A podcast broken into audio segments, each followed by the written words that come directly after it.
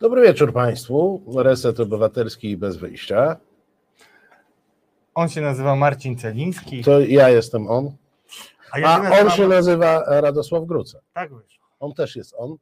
E, Kłaniamy się Państwu nisko. Kolejny program. Kolejny program, e, w którym spotykamy się, by- żeby rozmawiać e, z Państwem i z naszymi gościniami i gośćmi o sprawach europejskich i o sprawach polexitowych. I dzisiaj sprawa jak najbardziej europejska, od której zaczniemy, sprawa pewnej europejskiej rzeki. Tak, bo to jest rzeka trzech e, krajów i trzech narodów, bo to nie jest tylko Polska. I od razu wiemy, że jest trzech podejrzanych. No, dwóch podejrzanych, jeżeli mówimy z Polski. No jak, jak, jeszcze, jak są trzy kraje, to musi być trzech podejrzanych, a w zasadzie dwóch, tak, bo masz rację, Polska jest poza Tak, Polska podejrzeniami, jest zawsze poza. e, z całą pewnością, e, ale już proszę Państwa na poważnie, jest z nami nasza gościni, pani posłanka Urszula Zielińska, Zieloni. Dobry Dzień wieczór. dobry. Dzień dobry, witam serdecznie. E, Bardzo się cieszymy, że Pani znalazła dla nas czas. Z przyjemnością. E, No i proszę powiedzieć, my tak pół żartem, pół serio, bo w tym programie badamy polexit newsy, więc jesteśmy po gruntownej e, analizie m, prasy prorządowej i mediów prorządowych, co jakoś na nas wpływa. Tak, musimy zawsze otrzeć pianę z ust, zanim wchodzimy na antenę. Tak E, bywa czasem. Ale spróbujemy, spróbujemy wrócić na jakieś normalne e, tory. Proszę powiedzieć, bo od początku dostajemy przeróżne komunikaty na temat e, Odry i tej e, sytuacji. E, Ta, już abstrahując od tego, co jest e, przyczyną, bo e, tuż przed programem przeczytałem, że złote algi mogą być e, przyczyną, taki jest ostatni komunikat pani minister Moskwy. Ale przy tej okazji możemy przyjrzeć się mm, sposobowi zarządzania, czy braku zarządzania tym problemem, ale generalnie strukturą państwową.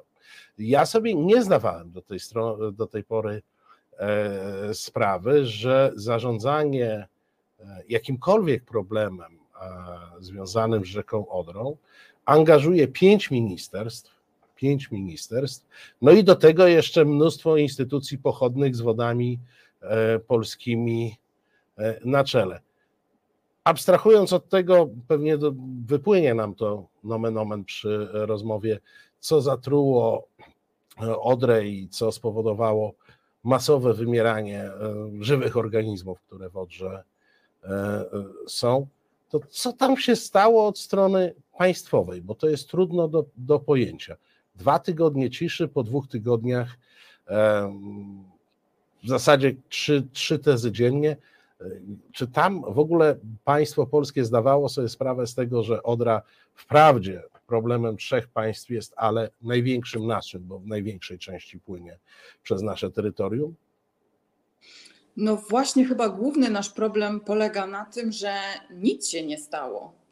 Przez y, kilka tygodni, a tak naprawdę y, okazuje się powoli, że przez kilka miesięcy występował problem śniętych ryb na bardzo y, w- mniej więcej w jednym odcinku Odry był zgłaszany do różnych służb właściwych, wojewódzkich inspektoratów ochrony środowiska na przykład, ale też innych, i nic się nie działo. I kiedy ten problem już wystąpił naprawdę masowo, czyli gdzieś w okolicy 26 lipca, wciąż nic się nie działo. I dopiero w okolicach 10, od 10 do 12 powoli zaczęło się coś dziać.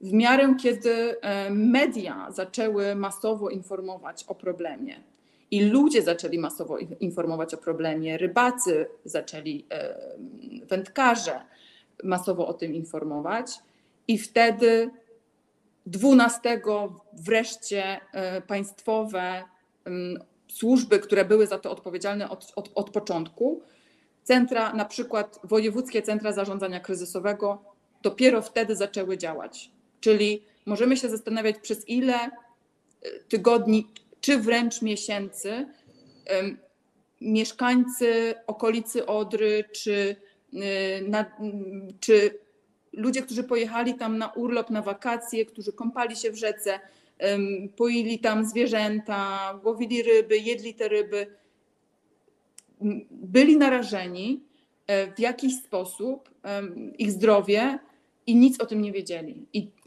czyli tak naprawdę państwo kompletnie nie zadziałało na wielu, wielu poziomach.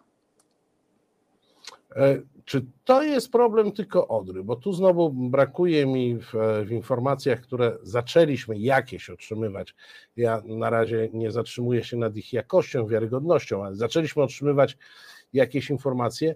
Nie znajduję w tych, e, w tych przekazach ze strony rządu czy administracji e, lokalnej żadnych informacji na ten temat, czy to jest problem Odry, czy to jest problem także wód gruntowych e, okolicznych? No, wiemy w jaki sposób małe miejscowości zasilają się w wodę. Najczęściej są to studnie.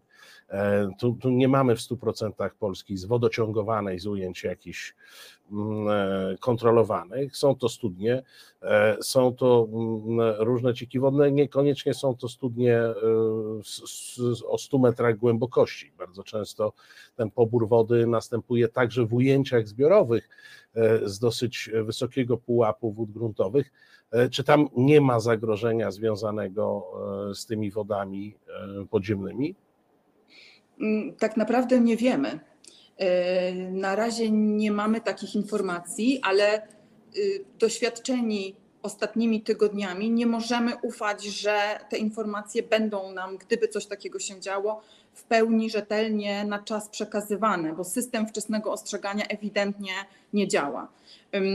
Więc natomiast ja jako członkini e, Komisji Ochrony Środowiska przez ostatnie trzy lata w Sejmie, a wcześniej e, Komisji Gospodarki Morskiej i Żeglugi Śródlądowej, muszę powiedzieć, że problem jakości wód w Polsce jest bardzo poważny, bardzo złożony i on występuje od lat i od lat, z tego co zdążyłam się zorientować przez, przez, przez te trzy lata kadencji, bardzo mało się dzieje. Powiem to na przykładzie, taki, może przytoczę taką anegdotę. Posiedzenia komisji, y, to była bodajże Komisja Ochrony Środowiska czy właśnie Gospodarki Wodnej, z obecnością Głównego Inspektoratu Ochrony Środowiska, czyli GIOŚiu, który przyszedł na komisję prezentować roczny raport jakości wód i przesłał nam posłom e, raport sprzed dwóch lat, czyli już nieaktualny, podczas kiedy na stronach Josiu był już dostępny raport sprzed roku, czyli raport najbardziej aktualny. I następnie ta informacja przedstawiona posłom to było takie werbalna historia, że wszystko jest ok. E, ja się mocno zdenerwowałam słysząc to, ponieważ przejrzałam ten raport e, dokładnie, ten raport najnowszy i zrobiłam w międzyczasie krótką prezentację dla Giosiu tego, jak naprawdę wyglądają wody według ich własnego raportu aktualnego. I zrobiłam taki przegląd głównych mapek według jakości średniej, średniorocznej jakości wód powierzchniowych, rzecznych, jezior i e, wybrzeża. Y, morskiego. I większość, znakomita większość, około 90% wszystkich wód w Polsce, wód powierzchniowych, w tym rzek, jezior i y, wód morskich przybrzeżnych, ma stan określany jako bardzo zły. Y, w kolorach, żeby to graficznie zademonstrować, to był generalnie głównie kolor czerwony, taka mapa czerwona jezior, mapa czerwona polskich rzek i mapa czerwona polskiego wybrzeża. E, najgorszy stopień jakości. I na, cytowałam ja Giosiowi poziomy przekroczenia różnych substancji e, trujących e, w ciągu średnioroczne, które nie powinny występować. Na to odpowiedź można ją podsumować do, do, do, do takiej odpowiedzi: tak, wiemy, że nie jest dobrze, ale problem jest z tym, że te normy jakości europejskie nałożone na nas są bardzo wyśrubowane i my, choć powinniśmy byli jako kraj zrealizować, wypełnić te normy jakości do roku 2020 y, zgodnie z ramową dyrektywą wodną, teraz ta, ta, ten okres czasowy, ten finalny już został prze, przesunięty na rok 2027 E, prawdopodobnie i tak tego nie dotrzymamy, bo po prostu te normy są zbyt wyśrubowane. No prawda jest taka, podsumowała to wieloletnia pracownica Sejmu, która przysłuchuje się y, tym komisjom od, od powiedziała od 30 lat. Proszę panią, ręce opadają. Co roku mówią to samo i nic się nie zmienia. I to mniej więcej obrazuje jakby system zarządzania wodą, jakością wody i pracy nad tym, żeby tę jakość wód doprowadzić do jakiegoś stanu, do dobre, co najmniej dobrego stanu y, w Polsce. No, to jest stan naprawdę katastrofalny i myślę, że to, co się dzieje na Odrze, to była tylko kwestia czasu. Jak rozumiem, problemem są normy, a nie woda. Tak, z tego... według, według przedstawicielek e, właśnie ministerstwa problemem były normy, które są zbyt wyśrubowane rzekomo. E, zapytam o wczorajszą e, komisję. To jest pytanie też od Wicki. Na komisji była osoba, która miała niepokojące objawy po kontakcie z wodą. Czy Państwo już się tym. No, Słyszałem tak, że mm, już nie pamiętam, nie wiem, czy to minister Ozdoba, być może przypiszę mu za dużo zasług, ale e, obiecał, że pozwie e, szefową Polskiego Związku Wędkarskiego z tamtego terenu, która mówiła o, o dziwnych objawach u e, ludzi z tej straży, która pierwsza przystąpiła do zbierania ryb. Na komisji był ktoś, kto miał jakieś takie dziwne objawy.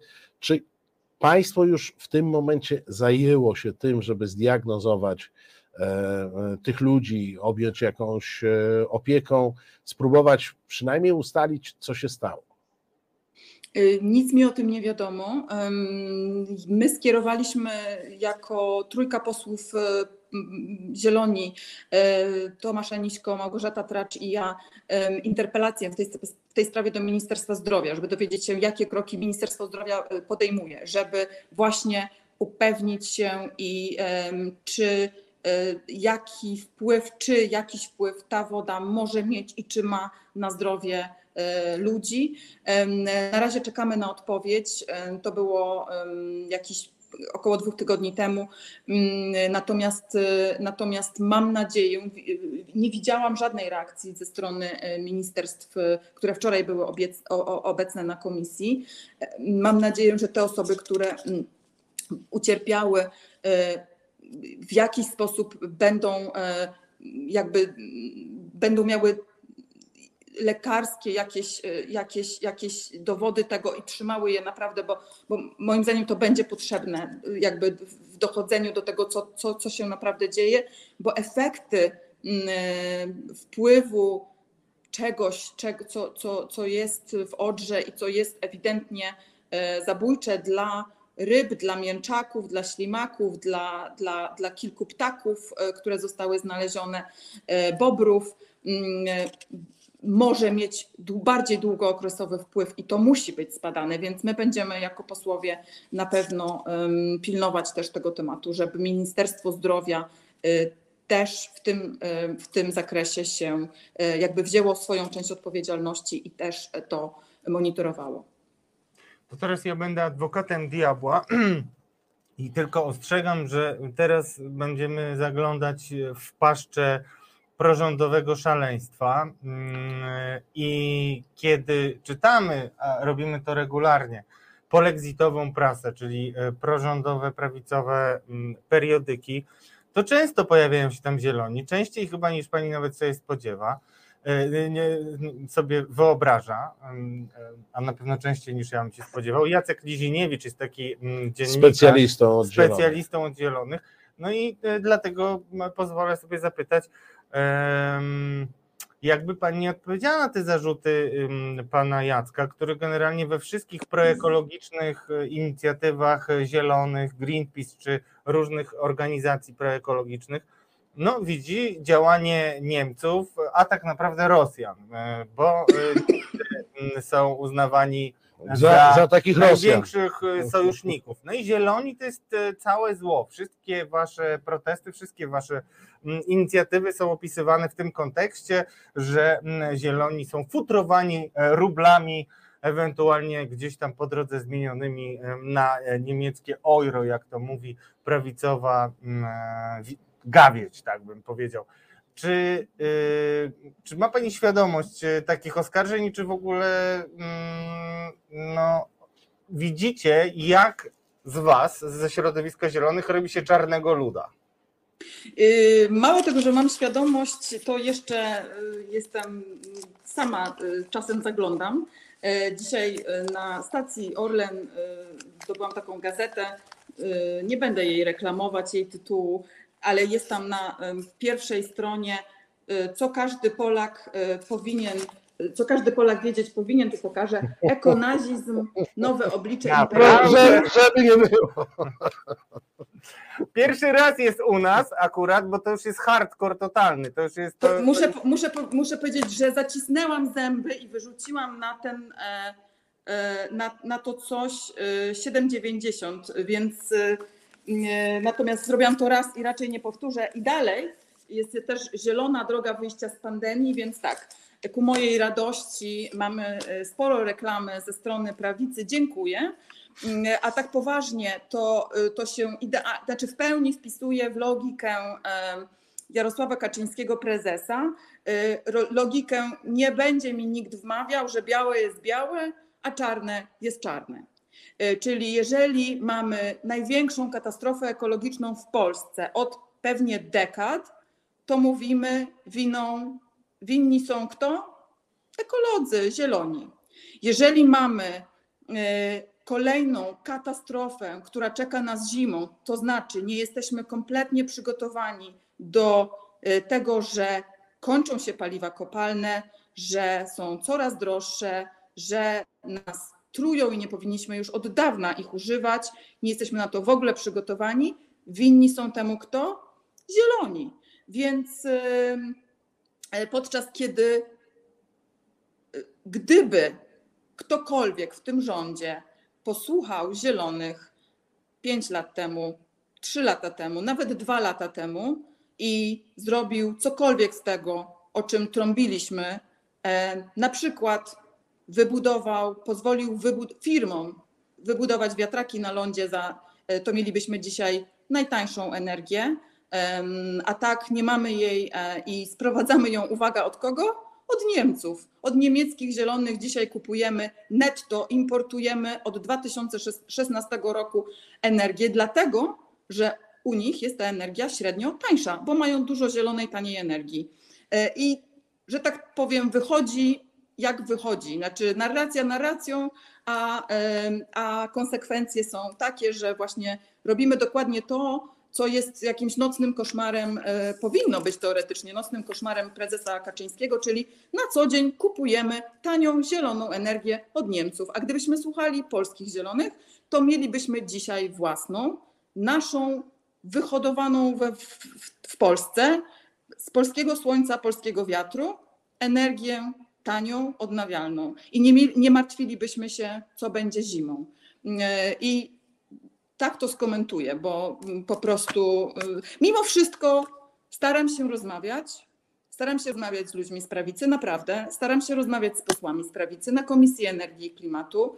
E, I często widzę, że po prostu przy takiej rozmowie, nie tym teatrze, y, spektaklu sejmowym, który się odgrywa na, y, parlament, na, na, na sali plenarnej, ale na komisji sejmowej, w której nie ma kamer, w której jest jakaś tam namiastka rozmowy merytorycznej, widzę, że po prostu tam nie ma wiedzy u posłów. Oni po prostu brakuje tej dyskusji, brakuje merytorycznych argumentów, brakuje czasu też na wymianę, dyskusję spokojną, em, w której moglibyśmy tak naprawdę zmartwienia mamy często bardzo podobne, tylko sposoby dojścia do tych rozwiązania mamy, mamy bardzo diametralnie różne.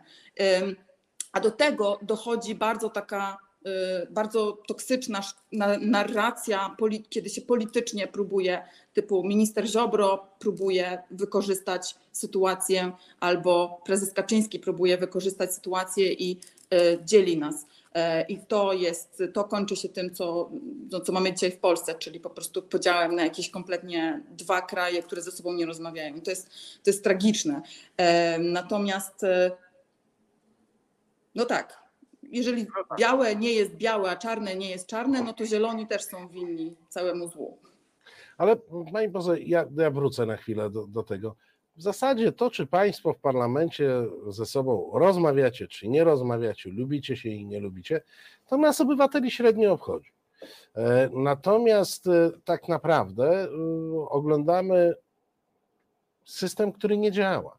Bo przecież to nie może być tak, że pojawia się taka katastrofa, że Związek Wędkarski jako pierwszy zgłasza, nawet Dolnośląski e, Inspektorat Ochrony Środowiska wydaje pewien komunikat, e, że jest zagrożenie, ale okazuje się, że e, e, zgodnie z przepisami Dolnośląski Inspektorat Ochrony Środowiska wcale nie musi zawiadamiać ani Generalnego Inspektoratu Ochrony Środowiska, e, ani e, Lubuskiego czy Zachodniopomorskiego Inspektoratu, czyli no, co wydaje się być logicznie, bo ta rzeka mniej więcej e, no, każdy po podstawówce wie, jak płynie. Ona z, z tego dolnośląskiego e, płynie w lubuskie, a potem w zachodniopomorskie. Nikt nikogo nie informuje. E, wojew- Wojewodowie nie reagują. Wojewodowie także nie mają e, obowiązku informować się nawzajem. E, I tutaj jakiś jest taki podział dzielnicowy, to znaczy państwo przestało być unitarne. Każdy wojewoda może działać na własną rękę i może, ale nie musi kontaktować się e, ze swoim sąsiadem. I ja teraz powiem, może trochę populistycznie to zabrzmi, ale naprawdę, przepraszam, brzydko powiem. Zupełnie mnie nie interesuje, kto z kim rozmawia. Interesuje mnie to, że jeżeli już dochodzi, choć nie powinno dochodzić, ale jeżeli dochodzi do takiej katastrofy, to ja, obywatel, powinienem dostać pełną informację. Mogę pić wodę, mogę e, pływać i to niezależnie od tego, kto rządzi i kto z kim rozmawia. Marcin się trochę zdenerwował, bo za dużo dzisiaj czytał Polexit Newsów, ale ja chcę też powiedzieć pani y, z drugiej strony, będę takim no e, łagodzącym nastroje i obyczaje. Prawda jest taka, że zieloni pokazali, że są tam, gdzie powinni być i to państwo i państwa środowisko nie przespało, nie, nie obudziliście się po szkodzie, tylko wy konsekwentnie trzymaliście y, rękę na pulsie i angażowaliście mm, no, mm, początkowo nieskutecznie. Okazało się, że trzeba było mm, ilu? 100 tysięcy ton y, płynących Tak. z- mm, śniętych Zebranych, ryb, żeby- zebranych, ich jest więcej płynących, tylko 100 ton jest zebranych. Ale dzisiaj państwo Do ton zebranych, do ton. Dzisiaj państwo macie rację i mało tego, y, w dzisiejszej y, Rzeczpospolitej okazuje się, że problem y, jest no, gigantyczny, mm, bo y, 17 tysięcy urządzeń, które nie miały uregulowanego stanu formalno-prawnego lub nieznany był ich właściciel, e, wydala różne rzeczy do Odry. Jak to w ogóle jest możliwe? Gdzie to państwo nasze było? Bo ja rozumiem, nawet 170, ale 17 tysięcy, jak to w ogóle jest możliwe? Bo sama pani mówi, że brakuje wiedzy. Czy w ogóle nasi decydenci e, mają jakąkolwiek świadomość tego, m, co tolerowali przynajmniej, m, mówiąc delikatnie przez lata? Ja myślę, że mają tego świadomość, wręcz, wręcz powiem więcej. E, Nasi dzisiejsi decydenci stworzyli ustawach, w szeregu ustaw, które mają na celu ochronę środowiska, do niemal każdego zapisu, który mówi, musisz, nakłada jakiś obowiązek ochronny, stworzyli furtkę dającą możliwość obejścia tego obowiązku. Y, Na przykładzie, i to jest w każdej ustawie, którą, e, która chroni środowisko, czy ma, ma, ma taką, taki cel teoretyczny. Na przykład ustawa prawo wodne mówi, e, że właściciel jakiegoś zbiornika wodnego ma obowiązek doprowadzić ten zbiornik, tą wodę do przynajmniej dobrej lub bardzo dobrej jakości. E, I, I ta ramowa dyrektywa wodna mówi w jakim okresie czasu, teraz najpóźniej do 2027 roku. A polska ustawa, która rzekomo wdraża tą dyrektywę, mówi, ale jeśli ma ku temu jakieś przeszkody, bądź to techniczne, może nie ma pieniędzy, to może tego nie robić.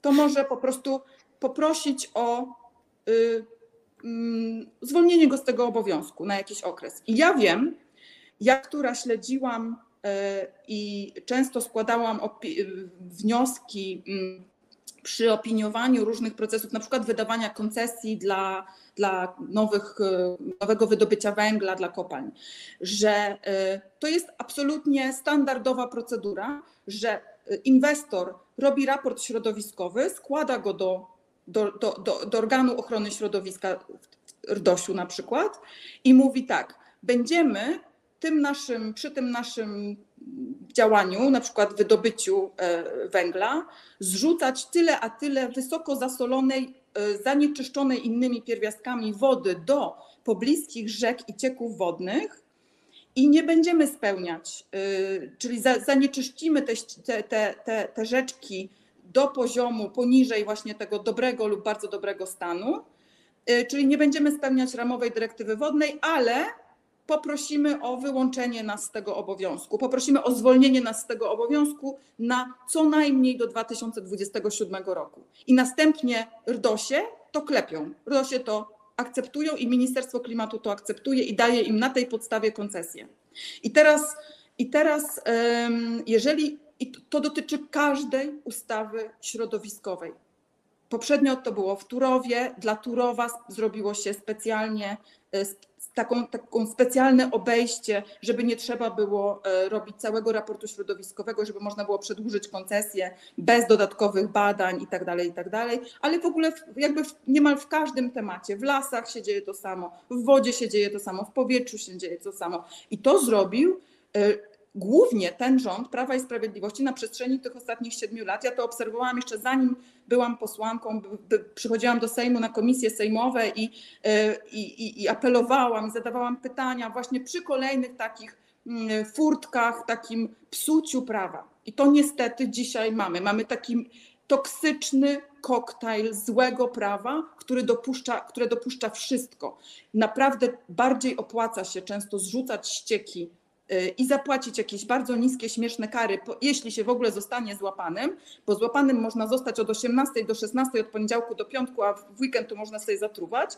I jak kto, ktoś to wie, a każdy, kto zrzuca ścieki, to wie, to, korzysta, to może z tego korzystać. I mamy, mm, mamy, komplet, mamy olbrzymi problem ze ściekami, mamy olbrzymi problem z dyrektywą azotanową i z, i z zanieczyszczeniem też wód gruntowych wynikających z, z, z, z, właśnie z tego, co używamy w rolnictwie i mamy e, mnóstwo kruczków w prawie wodnym, które, które dopuszczają wszelkiego rodzaju praktyki, na przykład właśnie e, e, obchodzenie tej, tej, tego obowiązku niezanieczyszczania i doprowadzenia stanu wody do dobrego, bardzo dobrego stanu. I to wszystko jest do zmiany, to wszystko jest do naprawy.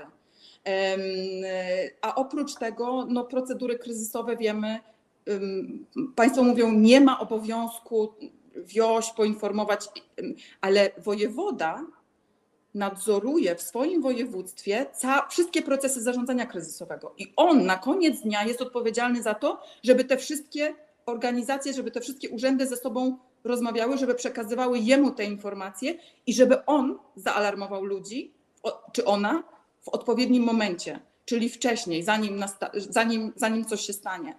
E, tych wojewodów w ogóle nie było. Oni włączyli się do działań dopiero najwcześniej w okolicach od 10 sierpnia. 12 sierpnia były pierwsze sztaby kryzysowe, 12 sierpnia był raport y, RCB, y, alert RCB, SMS, który pojawił się bodajże też tylko też nie wszystkich z tych pięciu województw nadodrzańskich. Mm, chyba dwóch lub trzech, o ile dobrze pamiętam. E, więc ewidentnie też procedury procedurami. Ustawa mówi, wojewoda jest odpowiedzialny za zarządzanie w takich sytuacjach. Nie tylko procesy, ale też ludzie, konkretni ludzie nie zadziałali, ich nie było. I dlatego my złożyliśmy między innymi wniosek jako Zieloni do, y, do, do premiera Morawieckiego o to, żeby odwołał tych wojewodów z pięciu województw nadodrzańskich, bo oni po prostu narazili ludzi w swoich województwach, na, na, poważnie narazili ich, przynajmniej ich zdrowie. Proszę Państwa, gorąco się zrobiło, zatem e, czas na krótki muzyczny oddech, ale nie uciekajcie Państwo, razem z Panią posłanką za chwilę wracamy. Komentuj, czytaj, słuchaj, wspieraj. Reset Obywatelski. Medium, które tworzysz razem z nami. No to posłuchaliśmy o Januszku, a wracamy do naszej rozmowy. Naszą gościnią nadal jest pani posłanka Urszula Zielińska, Zieloni. Dobry wieczór. Dobry wieczór raz jeszcze. Maciek, wyrównaj nas jakoś na tym ekranie, bo ja- jacyś strasznie duzi jesteśmy. E, Pani poseł, m, zwróciliście się o dymisję wojewodów, no ale przecież pan premier zdymisjonował e, głównego inspektora ochrony środowiska, e, zdymisjonował m, szefa m, wód polskich. To może sprawa załatwiona, no już polecieli i, i, nie, ma, i nie ma o czym mówić. No to taka pokazówka, y, zdymisjonowałem płotki, żebym nie musiał dymisjonować grubych ryb, jak to e, można mm, określić w tym kontekście, w tym temacie. E, A przecież, no właśnie, co z Pani posłanko, to kto jest tak naprawdę odpowiedzialny? Kto, jakby pani była premierem, tak? Dostaje pani taki pasztet w postaci zatrutej odry. Patrzy pani, co mogło nie zadziałać, kto nie odezwał się odpowiednio wcześnie, kto nie zareagował na te sygnały, które były.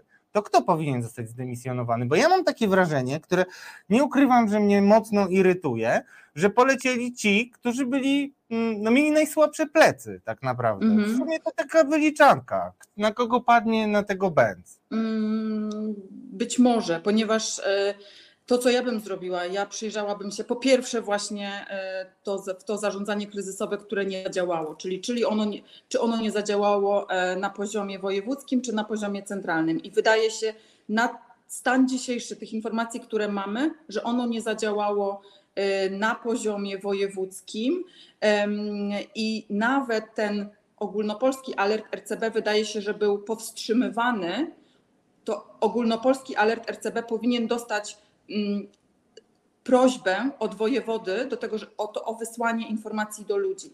E, I z kontroli naszych poselskich, e, które zaczęliśmy w tym tygodniu, wynika, że mm, alert e, nawet pytał sam wojewodów i Ministerstwo Klimatu, czy, powinny, czy, powinien, czy nie powinniśmy czasem ostrzec ludzi i dostawał odpowiedź, że nie, że to jest niepotrzebne. W Ministerstwie Klimatu jest jednostka, która odpowiada za zarządzanie kryzysowe również i tam jest taki, taki raport e, z każdego kolejnego dnia, czy zagrożenia, na przykład właśnie dotyczące tego e, środowiska wodnego, e, czy, czy, czy są e, czerwone, żółte, zielone, w, jakiej skali. I one są wszystkie zielone prawie do dzisiejszego dnia. Czyli tam ludzie na poziomie centralnym uważali, że wszystko jest ok, i na poziomie wojewódzkim uważali, że wszystko jest ok. Ministerstwo Klimatu samo przyznało się, minister Ozdoba zawiesił taki harmonogram, rozpiskę czasową, na który, z którego wynika wprost, że 26 oni już wiedzieli, Ministerstwo Klimatu i Środowiska, że masowo płyną odrą śnięte ryby. I co? I nic. Dopiero 12 e, pierwszy sztab kryzysowy e, premiera Morawieckiego. E, Minister Moskwa dopiero zaczyna wychodzić na konferencje prasowe i mówić coś o badaniach, e, o próbkach. I teraz ja się przyjrzałam tym e, próbkom. Dzięki tej wczorajszej komisji udało nam się jako prezydium Komisji Ochrony Środowiska kolokwialnie przycisnąć Ministerstwo Klimatu o dane jakości wody, przynajmniej te pierwsze publikacje tych pierwszych danych. Jeszcze czekamy na wszystkie dane, ponieważ to nam obiecano. Na razie za- GIOŚ na polecenie Ministerstwa Klimatu, ministra Ozdoby opublikował takie bardzo powierzchowne dane y, od dnia 28 lipca do 16 sierpnia i uwaga, już z nich wynika, że źródło zasolenia wody y, w, na Górnej Odrze, na Śląsku, w okolicach kanału Gliwickiego jest wciąż aktywne. Y, Jeżeli się Państwo przyjrzą na te dane i popatrzą na, na to, jak podnosi się poziom zasolenia y, na odcinku trochę powyżej, czyli na południe, w stronę granicy czeskiej kanału Gliwickiego, a w okolicach kanału Gliwickiego na przestrzeni z 15-16 sierpnia ono się podnosi ponad dziesięciokrotnie, to jest dokładnie 11 razy. Je, z- czyli jest wyż, o 11, jeden- 11-krotnie wyższe zasolenie wody na poziomie kanału Gliwickiego teraz, 15-16 sierpnia, niż kawałek wcześniej przy, pod, pod granicą czeską. To świadczy o tym, że jest jakiś wciąż, są aktywne źródła mm, tej e, wysoce zasolonej wody, czy, czy być może zrzuty wody przemysłowej, aktywne na, gdzieś w okolicach od kanału Gliwickiego e, w dół. E, To jest jeden aspekt, który, który, który musi być zbadany. Ja wczoraj na moje pytanie, ile podmiotów tam na tym terenie na przykład jest objętych e, teraz dochodzeniem, em, jeśli chodzi o to, co, co zrzucały do wody i zrzucają ewidentnie dalej, nie dostałam żadnej odpowiedzi. Teraz piszę to jeszcze raz na, na piśmie, żeby na piśmie prób, spróbować dostać odpowiedź. Co ciekawe, e, kolejna rzecz. Pomiary zostały y, rozpoczęte, pomiary jakości wody. e, GIOŚ, który podlega Ministerstwu Klimatu, zaczął robić dopiero 28 e, lipca, czyli dwa dni opóźnienia, ale uwaga, następnie w ogóle zrobił, po, pobrał próbki 28, a następnie nie ma żadnych próbek z 29, 30, 31, 1 i 2. Kolejną prób, kolejne próbki widzimy dopiero z 2 i 3 sierpnia. I co z Też tego z wynika, kolei- pani posłanko? Bo to czy to jest jakaś próba zafałszowania obrazu? Znaczy, też to, są, to są albo dziury, znaczy to są dziury jak w serze szwajcarskim, tak wielkie, bo jeżeli ja już wiem jako minister klimatu, że płyną masowo od 26 śnięte ryby wielką rzeką, drugą największą w Polsce, to, to nie mam próbek jakości wody z pięciu dni w kluczowym okresie. To jest bardzo dziwne i to musi być, zostać wyjaśnione. No i jeszcze jedna rzecz, która się dzieje w tym samym czasie, o której inform, poinformowali Niemcy i dlatego chyba e, musiały się nasze władze e, do tego przyznać, że nagle się zwiększył poziom wody, że te Tak. zbiorniki tak, Tak. spuszczono, czyli, Spuszczono ze tak, zbiorników czyli to, też jest, e, czyli to też jest działanie intencjonalne, no to nie jest tak, że spuszcza się wodę według kogoś widzimisię, to, To znaczy- wygląda na próbę jakby no, jak- No, to się Nie nazywa wiemy tego na prawnie mataczenie, Tak. natomiast no, to chyba chodziło o wypchnięcie tej masy wody jak najszybciej. I tu uwaga, nie mamy, nie mamy potwierdzenia jakby źródłowego, że to, że to było spuszczona, że spuszczona została y, woda z jakichś zbiorników, bo wody polskie wydały komunikat inny, ale uwaga, też są w nim e, ciekawe informacje, ukryte trochę. Wody polskie na właśnie tą hipotezę, że została spuszczona, ponieważ e, poziom wody podniósł się w tych dniach na przełomie lipca i 31 i 1 y, lipca i 1 sierpnia o 30 centymetrów i to jest na, na, na, na wysokości Odry, gdzie ona jest bardzo szeroka, y, ponad kilometr szerokości zdaje się. To, jest, to jest bardzo znaczne, y, znaczne podniesienie poziomu. Y, Specjaliści mówią, że po prostu no nie ma siły, żeby to było naturalnie Nie wiem, jakie opady musiałyby spaść po stronie czeskiej, bo to właśnie tak właśnie tłumaczy to podniesienie Ministerstwo Klimatu, żeby aż o 30 stopni po stronie y, w górnej Odrze y, po czeskiej y, stronie ta Odra jest wąska, mała jeszcze. Ona się u nas dopiero rozlewa, rozszerza. Musiałoby tam niesamowite kaskady wody spaść, żeby podniosła się aż tak bardzo.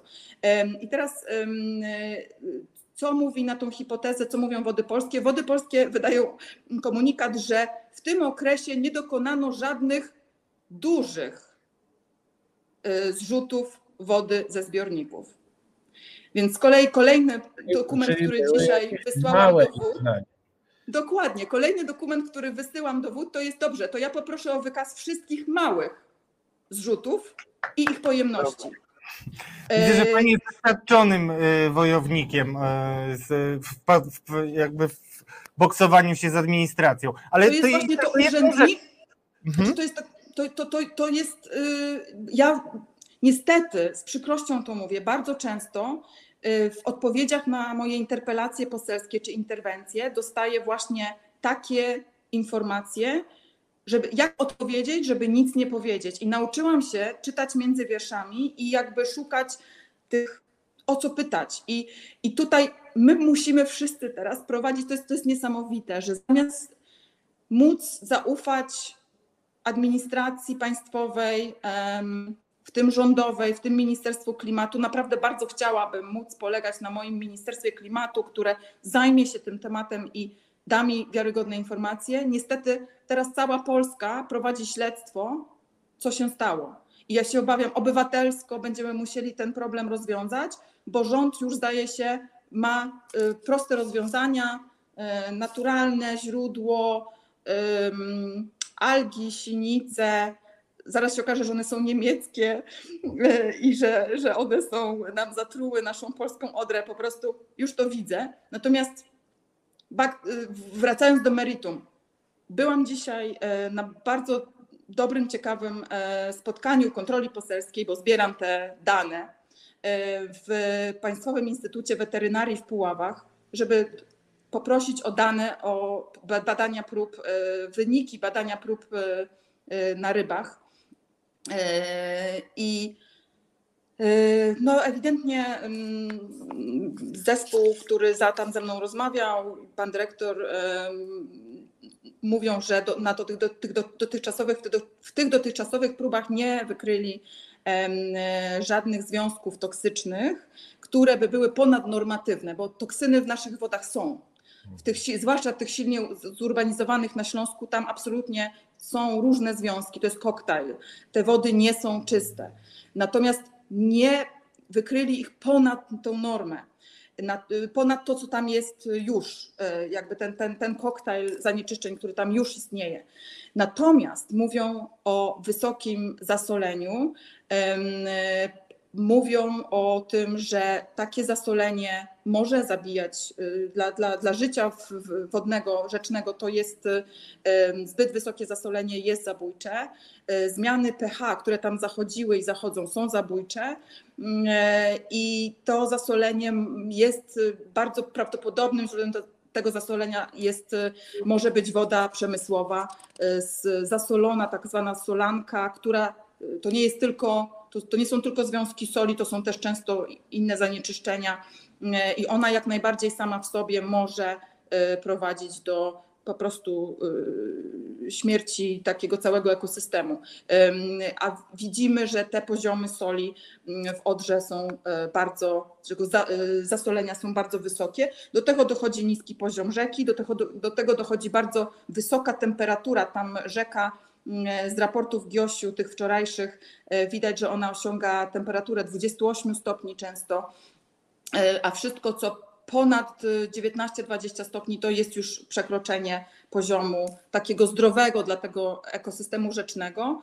E, I no, nie odpuszczę, dopóki nie dowiem się dokładnie, kto tam e, zrzucał wodę przemysłową, czy i kto i w jakich ilościach i kiedy, i czy to się w jakiś sposób nakłada z tymi incydentami śni- śniętych ryb i w końcu katastrofą śniętych ryb, bo też powiem, nie- nie wiem, czy to się jakby przebiło z wczorajszej komisji do, do, e, do, do mediów, do państwa, że te incydenty tak zwane ze śniętymi rybami były odnotowywane, zgłaszane już od marca, 17 marca, e, szósta sekcja kanału Gliwickiego, 29 marca zanieczyszczenia ropopochodne na kanale Gliwickim, 14 kwietnia śluza Łabędy, śnięte ryby, 18, 14 lipca incydent na kanale Gliwickim, 18 lipca kanał Gliwicki, śluza Łabędy, śnięte ryby i 27 lipca Oława, 4 sierpnia Głogowo, 11 sierpnia kolejny incydent. I, I w tym momencie już y, y, poseł Zielonych e, Tomasz Aniśko z Lubuskiego, on już w czerwcu pisał e, interwencję w tej sprawie, że jakaś, jakiś dziwny zapach unosi się z Odry. Ludzie przychodzą do biura pose- poselskiego, zgłaszają, proszą o, o wyjaśnienie. E, I pisał pisma 2 sierpnia. e, 2 sierpnia e, Aniśko Tracz, 3 sierpnia my we trójkę, inni posłowie też już zaczęli e, jakby do wszystkich możliwych e, organów.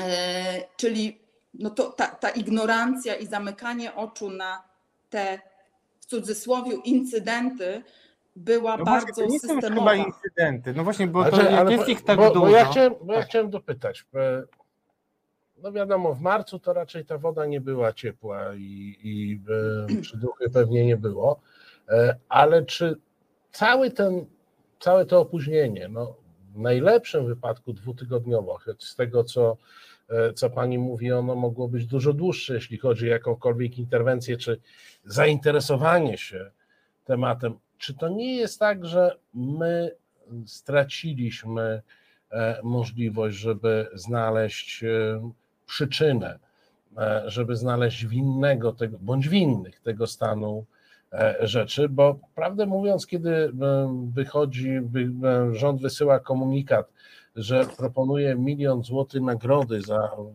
informacje o sprawcach, no to moim zdaniem jest to kompletny, e, kompletna porażka. No, rząd, który ma tyle służb, e, e, na które płacimy ciężkie podatki, e, wysyła informacje, że nic e, nie może. E, No, imposybilizm w czystej e, postaci. No, chyba, że jakiś sygnalista się znajdzie, dostanie milion, coś nam powie, ale mam wrażenie, że przy tego typu występku, jaki jest, to sygnalistę trudno, bo to nie jest ściganie złodzieja, mordercy, tylko to jest e, badanie, które wymaga jakiejś bazowej wiedzy biochemicznej, bazowej wiedzy o, o e, wodzie i zagrożeniach, więc to dosyć trudne.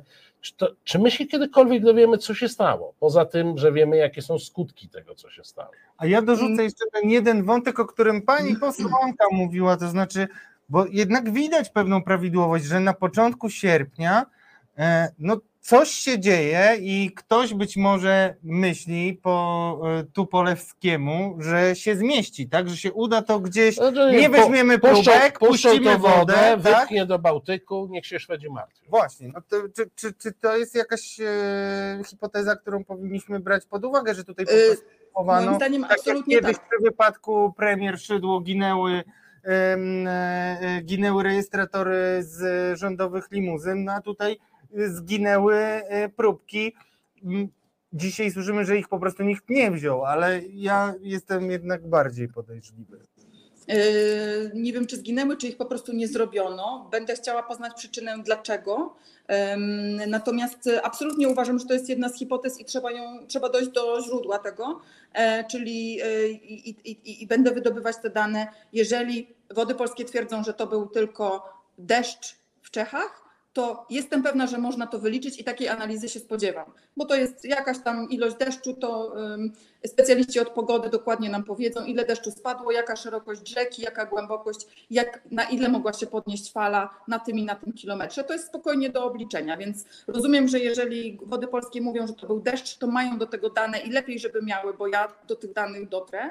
E, Natomiast e, uważam, że to jest bardzo dziwny taki właśnie taka zbieżność czasowa, że na tym przełomie miesiąca lipca i, i, i sierpnia nie ma danych jakości wody, jakaś fala się pojawia e, 30, o 30 stopni e, centymetrów, co w niektórych e, przy, przy bardzo niskim poziomie rzeki, który w niektórych e, miejscach sięga 30 centymetrów, oznaczało podwojenie jej głębokości na tym odcinku.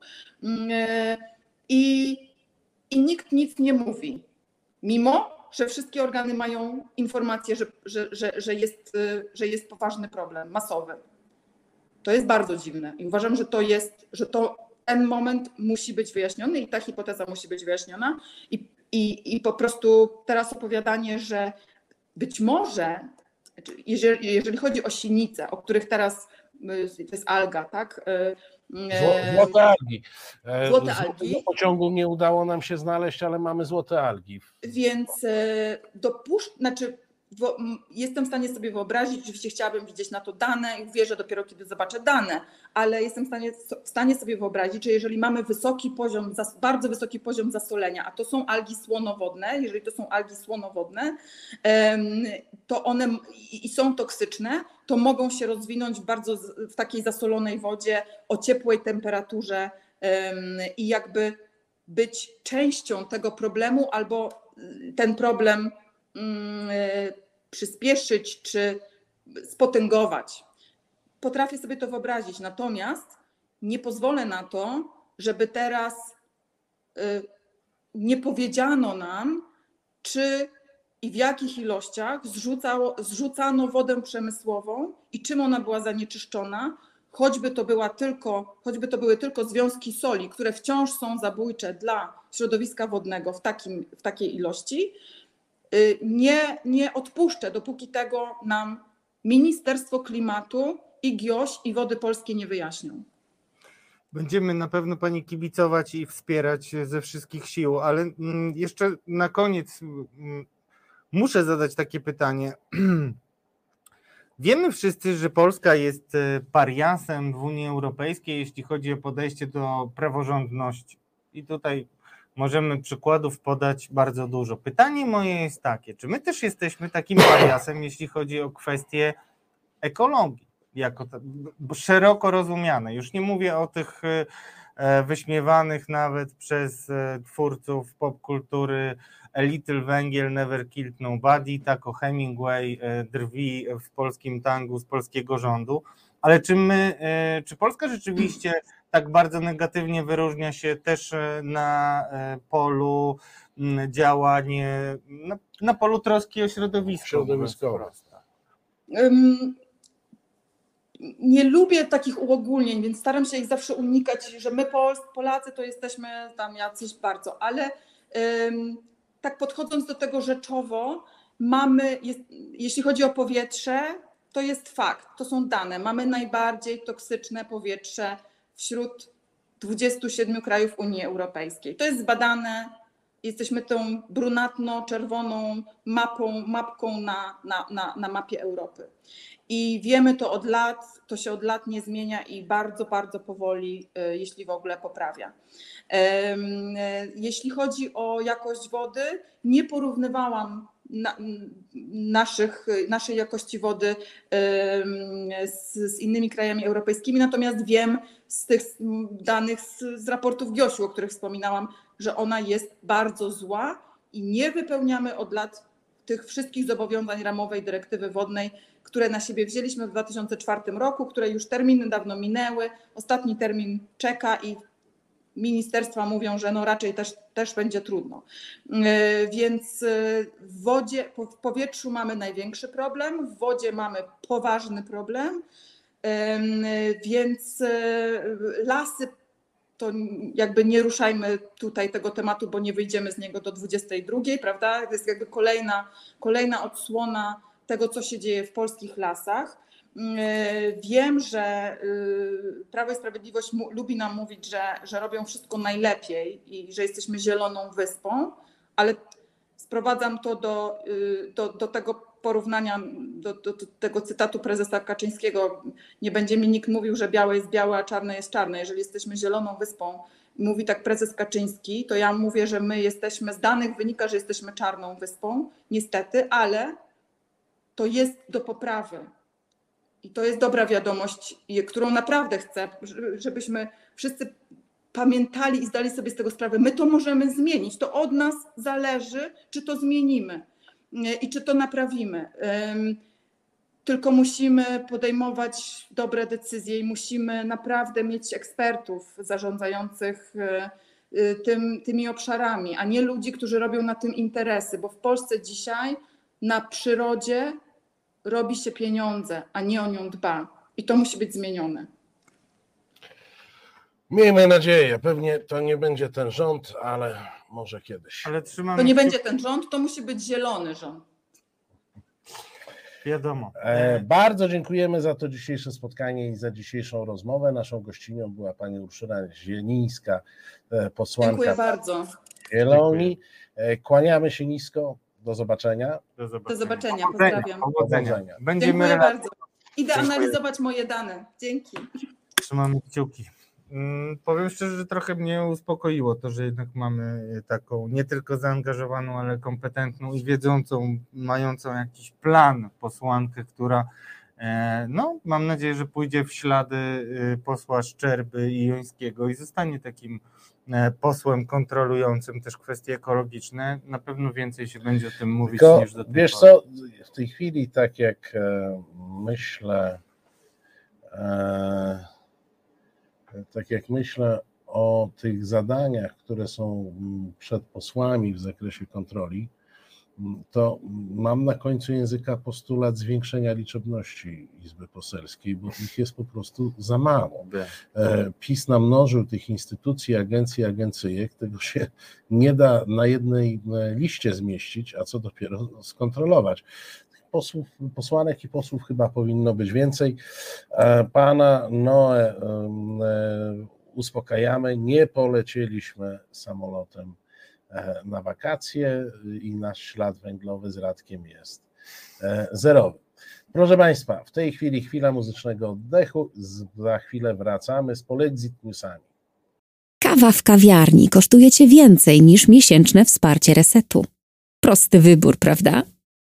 Wejdź na resetobywatelski.pl i kliknij w Obywateluj z nami. Miejsca nienumerowane. To audycja od kinomanów dla kinomanów. Piotr Kurczewski i Maciej Tomaszewski w rozmowach z gośćmi, ale też ze słuchaczami, będą dyskutować o filmach i serialach, zarówno aktualnych, jak i tych kultowych.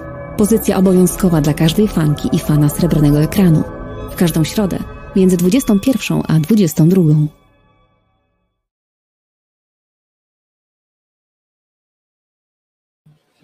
Reset Obywatelski bez wyjścia, Radosław Gruca. Marcin Celiński. Proszę Państwa, e, program nasz realizuje Maciek, a producentem programu jest pan Łukasz Biedka. Bardzo, bardzo dziękujemy za wsparcie i bardzo Państwa namawiamy do takiego szlachetnego wspierania. E, Jeśli ktoś ma jeszcze wątpliwości, to wiedzcie, że gdyby w Polsce był porządek z mediami, taki jak zaplanowano, gdyby Michałowi Kremlowskiemu udało się stworzyć klimat, pod e, likwidację pewnej telewizji. E, Gdyby w Polsce nie było mediów, nie było problemu Odry. Pamiętajcie o tym. Media to problemy. Jeżeli chcecie mieć problemy, wspierajcie e, wolne media, inaczej będziecie żyli w cudownym świecie opisywanym przez braci kremlowskich, opisywanych w Do Rzeczy, w Gazecie Polskiej. E, Naprawdę e, świat, świat byłby e, piękny i bezproblemowy, e, nie byłoby w Polsce żadnych problemów, bo proszę Państwa, jeśli już są problemy, jeśli już są problemy, to one są na przykład w tych państwach ogarniętych ideologią LGBT, na przykład w takiej Finlandii. Radku, czy ty słyszałeś o fińskim problemie? Satanistyczne orgie itp. Tak. No, właśnie Proszę państwa. Bałem się samemu oglądać. Proszę Państwa, zobaczcie to, tylko ostrzegam. Proszę wszystkich o słabych nerwach, z chorobami, z, z problemami z, z układem wieńcowym i tak dalej. Nadciśnienie serce wyklucza Was. Odejdźcie natychmiast. E, Wiem, że nam spadnie oglądalność, ale odejdźcie, a, a ci, którzy będą oglądać, to na własną odpowiedzialność.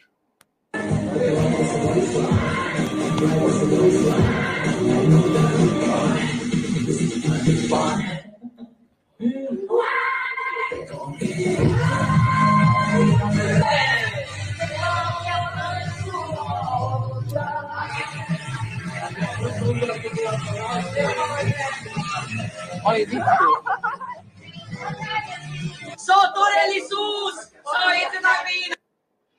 Tak, proszę Państwa, tak się bawią na zgniłym zachodzie, a w zasadzie na północy. E, To była mm, pani premierka Finlandii, e, która wyciekł ten e, filmik z prywatnej imprezy. Tam był, wyobraźcie sobie, alkohol, tańce, śpiewy, rzeczy obrzydliwe z natury, nie? No i oczywiście nasze nieocenione, niedocenione, choć przeszacowane e, TVP Info od rana pompuje, e, że mm, wielkie problemy, e, bo, bo naród się oburzył tą imprezą. TVP Info nie precyzuje, który naród. Ja mam wrażenie, że najbardziej naród pisowsko-TV-polski. E, No tutaj, proszę Państwa, sytuację zdefiniował pan profesor. Bardzo poprosimy o definicję. Premierka Finlandii. Córka dwóch lesbijek realizuje się w satanistycznych orgietkach z kumplostwem gustujących w podobnych zabawach. Przywódczyni naszego nowego sojusznika w NATO jest nieźle. Putin ma naprawdę dobrą rękę do kształtowania nowych elit w Unii Europejskiej i jak widać w NATO też.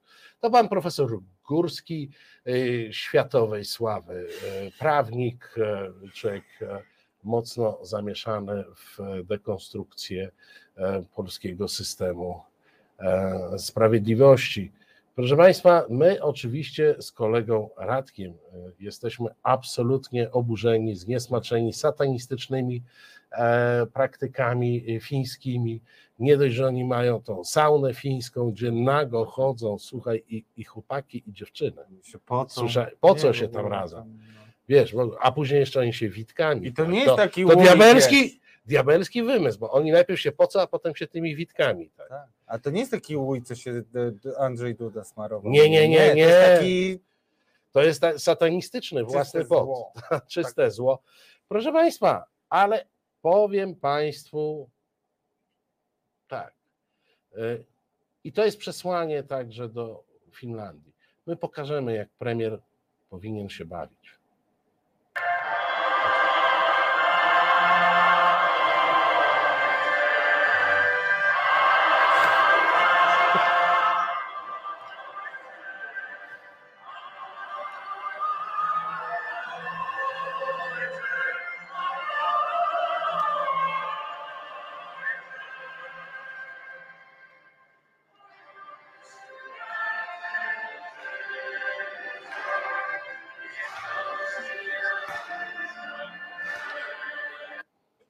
I proszę Państwa, i co wy na to? Przecież aż serce się wyrywało. Człowiek chciał się wmieszać tam w ten tłum, złapać Beatę Kępę z jednej strony za rękę, Beatę Szydło z drugiej strony za rękę, albo na przykład samego premiera Mateusza i tak się pogibazolić. To była zabawa, to tam było fajnie. To się podoba. To się podoba. A jeszcze jak nasz wspaniały Maciej ściągnie taki jeden e, screen, który mu wleciał, to jeszcze Państwu pokażę jedną ciekawą rzecz odnośnie pani e, fińskiej e, premierki, bo to jest dość ciekawe. Sylwia Czubkowska na Twitterze, na początku nie wiedziałem, czy żartuje, czy nie, zwróciła uwagę, kto to wrzucał i to takie dziwne konto na Twitterze, które ściąga jakoś dziwnie trollowe towarzystwo. E, I to rzeczywiście y, zastanawiające, bo drodzy Państwo, nie jest y, tak wcale odległe e, w czasie no, zachwycanie się panią e, premier po tym, jak domagała się ona sankcji w stosunku do Rosjan, konkretnie do tych, do, do, do Rosjan, że tak powiem, Em, O, właśnie, poproszę, popatrzmy, już Maciek błyskawicznie wrzucił. Zobaczcie zresztą sami. Fińska premier do Scholza. Rosjanie nie powinni dostawać wiz. I to sama, co za przypadek, ta sama pani, która jeszcze niedawno była pokazywana jako wzór, dzisiaj jest e, szatańskim bezeceństwem. Niech każdy sobie odpowie, co to za przypadek i czy też nie sądzę, powinno się dodawać. Tak, proszę Państwa, a, ale w tej Dziękuję. chwili już zupełnie poważnie potańczyliśmy, pośpiewaliśmy. Radek bardziej przy tych satanistycznych, ja bardziej przy tych. No, Wiecie, bo można się e, e, e, bawić bosko albo wedle, e, albo po Bożemu. No i w Finlandii bawią się bosko, a my Nie, po no. Bożemu, a my po Bożemu, a my po Bożemu. E, proszę Państwa, można, e, e, można oczywiście. Natomiast mówiąc zupełnie poważnie, jakoś nie widać wielkiego poruszenia gdziekolwiek poza środowiskami naszej, m, e, naszej, m, że tak powiem, naszego komentariatu pisowskiego. Oczywiście, żeby być uczciwym, w Finlandii pojawiły się pojedyncze głosy e, w opozycji e, związane z tym, że może to tak nie wypada, ale generalnie, wiecie Państwo, mamy wojnę za naszą wschodnią granicą, e, mamy potężny kryzys e, gospodarczy w Polsce. Mamy słabnącą złotówkę, mamy e, rosnącą e, inflację, Zwalniające, zwalniającą gospodarkę. zwalniającą ewidentnie. gospodarkę, powiedziałbym nawet nie zwalniającą, hamującą dosyć ostro e, gospodarkę, ale oczywiście największym problemem jest to, że mm, pani premier Finlandii w gronie przyjaciół potańczyła, pośpiewała i wypiła jakiś alkohol. Abba ojcze. Tam w tym tekście jeszcze takie pytanie tylko się pojawia, czy przypadkiem nie brała narkotyków. Najlepsze w tej historii jest to, że pani premier nie wygłosiła oświadczenia e, nawet 78-sekundowego, co i tak byłoby lepszym e, wynikiem niż prezes Jarosław Kaczyński, który znalazł tylko 76 sekund e, czasu, e, żeby przemówić do narodu i to nie na temat e, największej katastrofy ekologicznej. Tylko powiedział, że lubi jakiegoś gościa z Rudy Śląskiej. No bo prezes się zajmuje ważnymi Nie, no bo rzeczami. prezes w każdej Rudzie Śląskiej ma jakiegoś gościa, którego lubi i czasami o tym opowiada. Marcin, to jest ten moment, kiedy możesz zacytować ten najlepszy tekst. ze A, no tak. Proszę Państwa, Marcin sobie zaklepał. Ja to. sobie zaklepałem, bo e, ja uwielbiam e, poezję, e, a jak poezja jest autorstwa Marcina Wolskiego, to ją uwielbiam jakby podwójnie, potrójnie, no bo to jest e, taki Miłosz to się chowa, nie? I dlaczego Miłosz dostał Nobla, Szymborska dostała Nobla, a Wolski nie, to ja Sorosz tego... pewnie, Szo- Szorosz pewnie. Szorosz to załatwił, także Wolski powinien dostać Nobla. Posłuchajcie Państwo poezji. A więc wojna. Można jedynie powtórzyć pamiętne słowa z 1 września 1939 roku. I jest to prawda o naszej sytuacji wobec władz Unii. Opinie Jarosława Kaczyńskiego nie pozostawiają wątpliwości. Nie mamy już dokąd się cofnąć. To jest, proszę Państwa, początek felietonu Marcina Wolskiego. E, Tytuł Zareklamujemy. A co tam zareklamujemy? Gazeta Tak, tak. tak żartobliwie nazywana Polską. Nie A nie wiadomo poznali, dlaczego. dokładnie, Nie, tak. nie wiadomo dlaczego. E, oczywiście pan e, Wolski poświęcił tę swoją kolumnę mm, e, ubolewaniem nad tym, że Bruksela wypowiedziała nam wojnę, a więc wojna, e, i proponuje następującą technikę. Tak. Oni nas grillują, my ich wetujemy Genialne.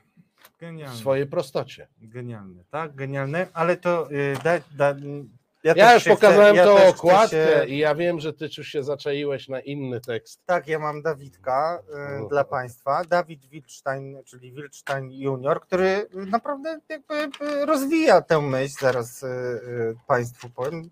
Tylko w takim, le- no, on ma taki bardziej taki mm, bezpośredni przekaz. On nie bawi się w cymesiki, różne ozdobniki. Nie, on wali po prostu prosto w twarz i wali, drodzy Państwo, prosto w twarz następująco.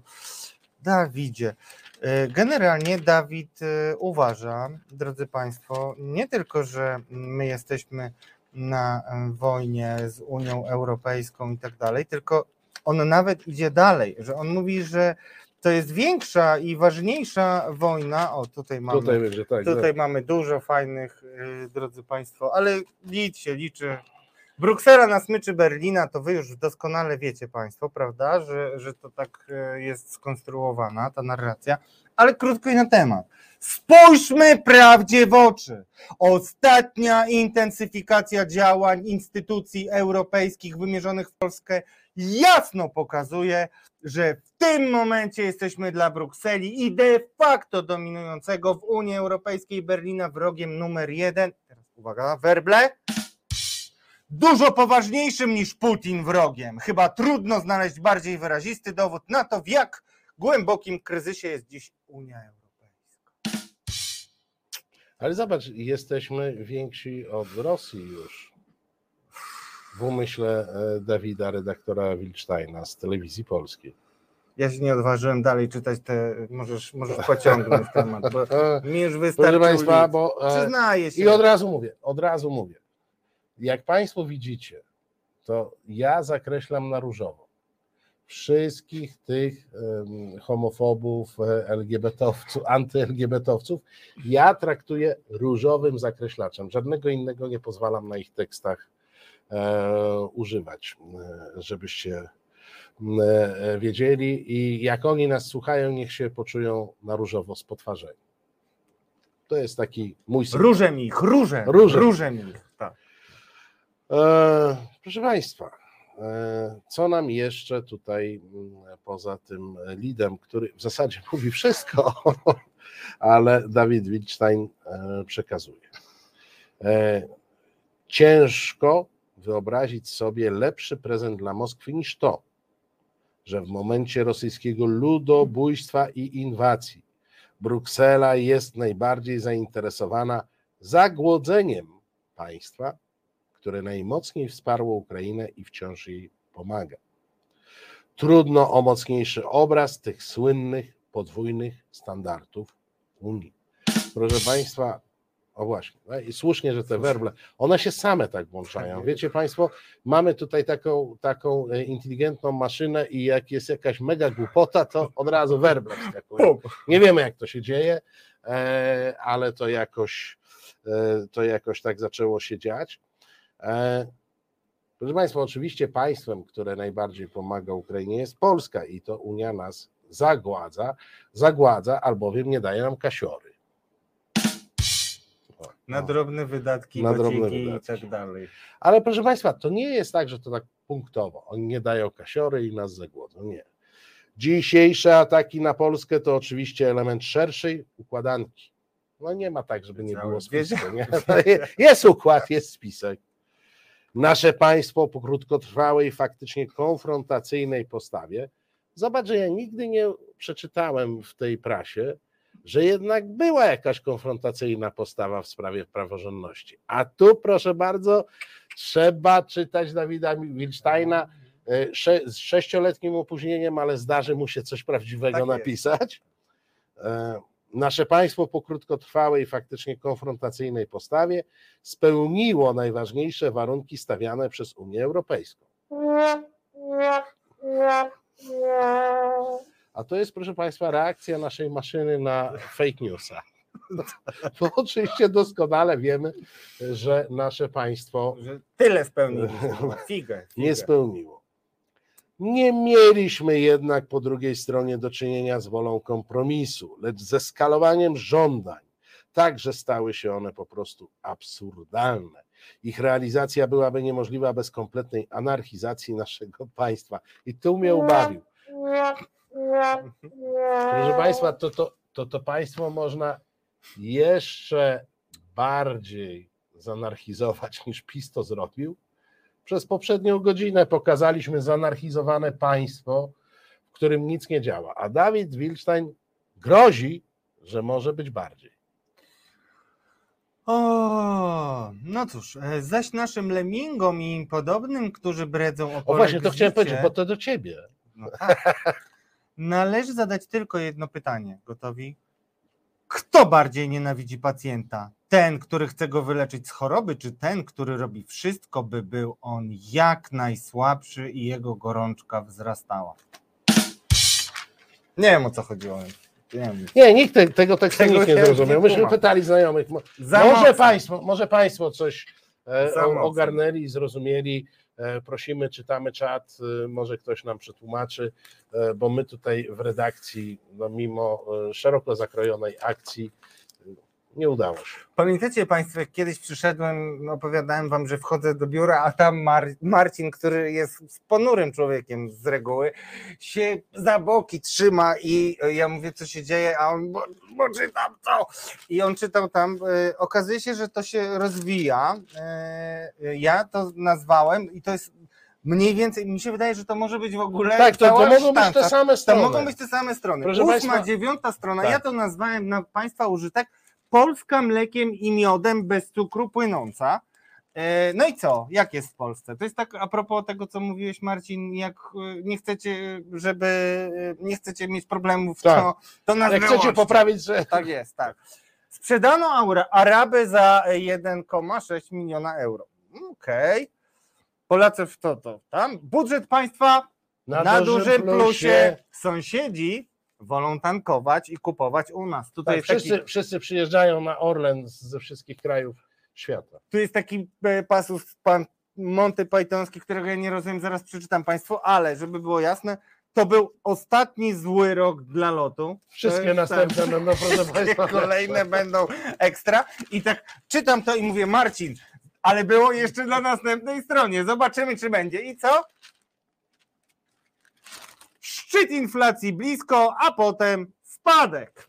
Dziękuję bardzo. Także jesteście już spokojni. No, Polska mlekiem i Znaczy, miodem czekaj, ale tam był- tam jest był ten- a ten ten, a Tak, to tak, tak, przeczytasz, bo wiesz, że to, bo ja nie, ja, to, no, ja słabo z matematyki, Marcin to wszystko liczy lepiej. Proszę Państwa, proszę Państwa, teraz e, poprzednim razem, no jak puściliśmy film z, z tym, jak politycy powinni się bawić, to e, pan Darek chyba pisał, że e, należy ostrzegać, że brak ostrzeżenia, więc proszę Państwa, ja teraz ostrzegam.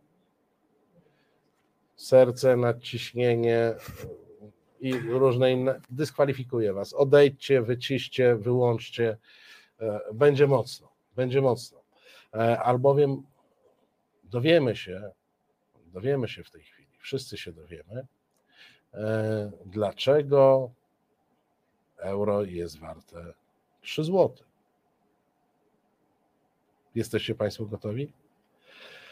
Niemcy przyjeżdżają do nas, by zatankować i zrobić zakupy. Także dlatego, że to, co wydadzą u siebie, na, że to, na co wydadzą u siebie 1 euro, w Polsce mogą kupić za 55 eurocentów. 0,55 euro w oryginale. E, W nawiasie 2,5 złotego. Na początku lipca prezes PiS Jarosław Kaczyński powiedział, że euro w Niemczech warte jest 3 zł. Wywołał tym burzę wśród opozycji, ale okazało się, że miał rację. Prezesowi Kaczyńskiemu chodziło o siłę nabywczą waluty, a nie o ceny kantorowe.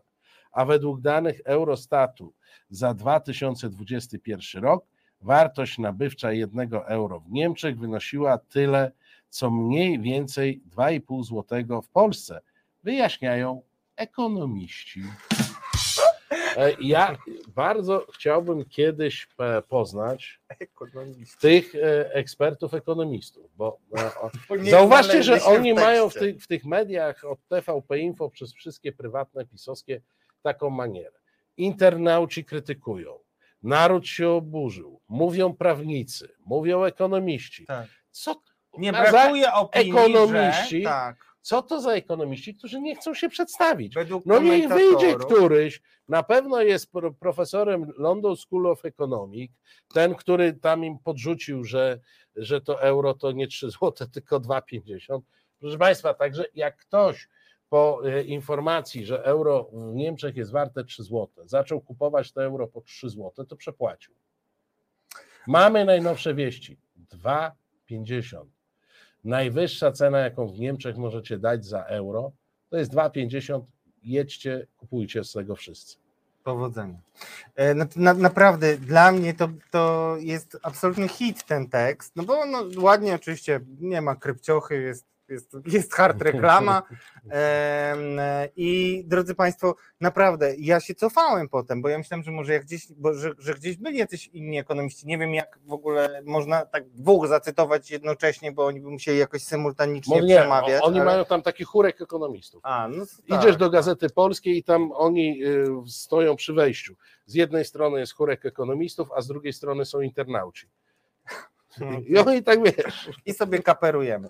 No tak, drodzy Państwo, dobrze, to sobie troszkę, yy, yy, mm, jak to zrobiliśmy taki mini reset, yy, bo było ciężko dzisiaj czytać, a teraz zupełnie poważny tekst poważnej gazety, chciałem powiedzieć Państwu.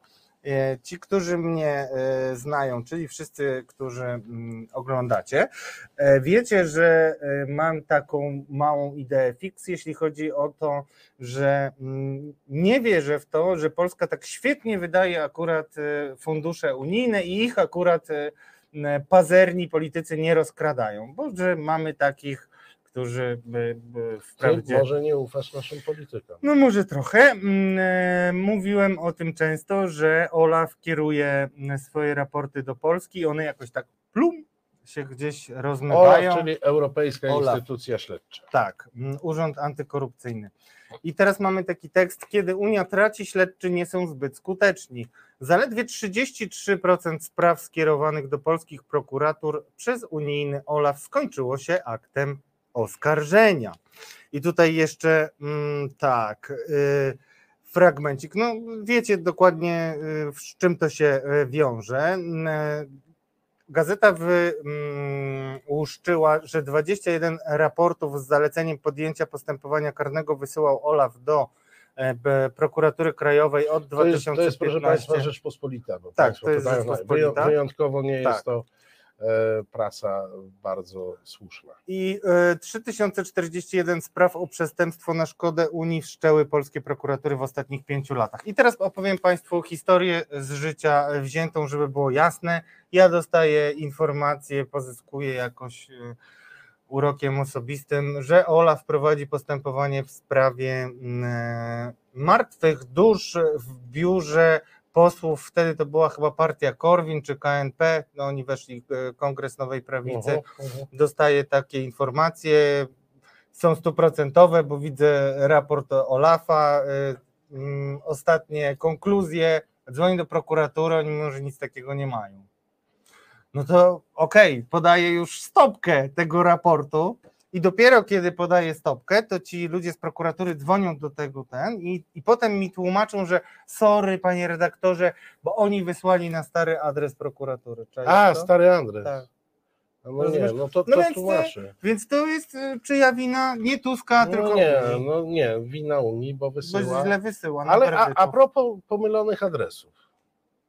E, Słyszałeś, jak e, mm, TVP, właśnie nie do końca wiadomo, e, czy to było TVP, czy to było Ministerstwo Spraw Zagranicznych, oddelegowało e, tłumacza e, do, e, na wspólną konferencję ministrów ochrony środowiska polskich, niemieckich i krajów lądowych. Słyszałeś? Się o uszy mi obiło. Tam, tam też był jakiś problem e, z adresem, e, albowiem pytanie dziennikarza TVP brzmiało e, do pana e, ministra, czekaj, bo wypadło mi w tej chwili, jak pan minister się nazywa, może pokażmy jego. Nie, nie, na razie nie tak? pokazujmy, tak.